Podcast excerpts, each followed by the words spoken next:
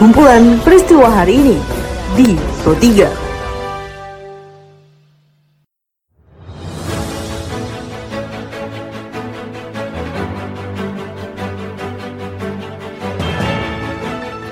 pendengar, saat ini Anda sedang mendengarkan kumpulan peristiwa Pro 3. Pada podcast ini saya akan mengulas terkait isu-isu aktual yang saat ini masih hangat juga ramai diperbincangkan di sekitar kita. Tentu saja nanti akan saya hadirkan cuplikan informasi dari reporter kami. Saya Tika Anantia. Inilah kumpulan peristiwa Pro 3 di ruang dengar Anda. Pendengar sebelum masuk ke dalam beberapa isu aktual yang akan saya hadirkan sesaat lagi, saya ingin mengundang Anda terlebih dahulu untuk mampir dan follow sosial media kami di @rri Programa 3 di Instagram, Twitter, juga Facebook Anda. Apabila Anda ingin berita yang lebih aktual lagi, Anda bisa mengunjungi laman berita kami di rri.co.id. Baiklah pendengar, inilah kumpulan peristiwa Pro 3 selengkapnya. Pendengar pemerintah berupaya untuk memvaksinasi 5.000 awak media di bulan Maret mendatang. Selain itu, menurut Presiden Joko Widodo, ini sejumlah insentif untuk industri media di masa pandemi COVID-19 pun akan diberikan agar beban industri media lebih ringan. Diliput reporter kami Pradita Rahardi berikut penyampaian dari Presiden Joko Widodo. Saya yakin banyak awak media yang sudah ingin divaksin. Tadi saya sudah visi-visi ke Prof. Nuh untuk awal nanti di akhir bulan Februari sampai awal Maret nanti untuk awal media sudah kita siapkan kira-kira 5.000 orang untuk bisa divaksin. Ini termasuk pertama nanti keluar dari Bio Farma 12 juta kita berikan 5.000 untuk awak media. Oleh karena itu, pemerintah berusaha untuk meringankan beban industri media. PPh 21 bagi awak media telah dimasukkan dalam daftar pajak yang ditanggung oleh pemerintah. Artinya pajak dibayar oleh pemerintah dan ini berlaku sampai Juni 2021.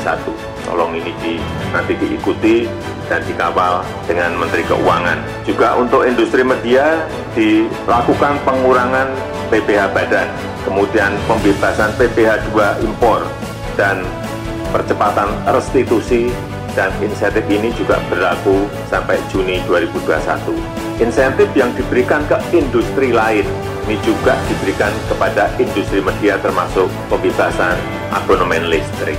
Mendengar pada rapat kerja dengan Komisi 9 DPR RI, Menteri Kesehatan Budi Gunadi Sadikin mengingatkan kasus COVID-19 akan meningkat signifikan melalui testing dan tracing skala besar di daerah.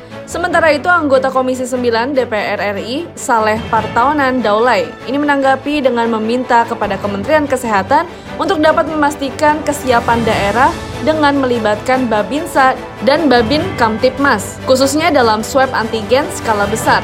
Diliput reporter kami Rizky Supermana, berikut pernyataan dari Saleh Fataunan Dole. Yang soal testing tracing, mekanisme yang akan dilakukan oleh pemerintah di daerah, termasuk pelibatan Babinsa dan seterusnya, Babin Kantipmas. Di anggarannya kenapa testing itu 12,5 triliun ada di pusat, di daerah nggak ada. Lalu kenapa tracing itu 1,2 triliun adanya di daerah, di pusat enggak? Ini kita mau kejar semua nih testing semua ke daerah-daerah. Nah kalau daerahnya nggak ada anggarannya gimana?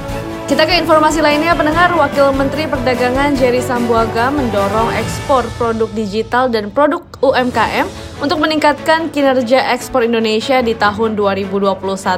Diliput reporter Magdalena Krisnawati, berikut pernyataan dari Wamen Perdagangan, Jerry Sambuaga. Game online ya, salah satu produk digital yang itu memiliki potensi yang luar biasa. Ya kalau kita lihat dari negara-negara lain berkaca dari negara-negara lain seperti Tiongkok ya Korea Selatan ya itu mereka memproduksi dan juga mereka uh, mengekspor game-game online ya, ke luar negeri ke mancanegara dan memberikan banyak penghasilan untuk negaranya masing-masing. Bayangkan ya itu salah satu produk unggulan ekspor Korea Selatan adalah game online. Bahkan game online nilainya menurut data yang uh, kami terima itu lebih besar daripada K-pop Pendengar tim penyidik Komisi Pemberantasan Korupsi KPK ini mendalami adanya pelaksanaan pengadaan bansos COVID-19 untuk wilayah Jabodetabek tahun 2020 melalui saksi Yoga Suara yang merupakan operator ikan Yunus.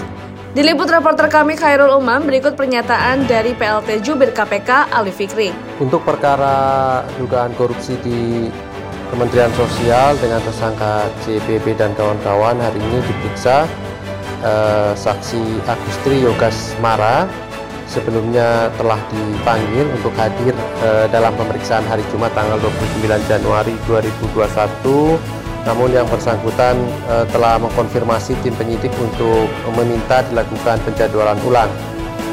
Hari ini yang bersangkutan hadir dan kemudian dilakukan pemeriksaan oleh tim penyidik KPK di mana digali eh, lebih lanjut terkait pengetahuannya mengenai eh, pelaksanaan dari pengadaan bansos untuk wilayah Jabodetabek tahun 2020 di Kementerian Sosial informasi tadi sekaligus mengakhiri perjumpaan kita pada podcast edisi hari ini.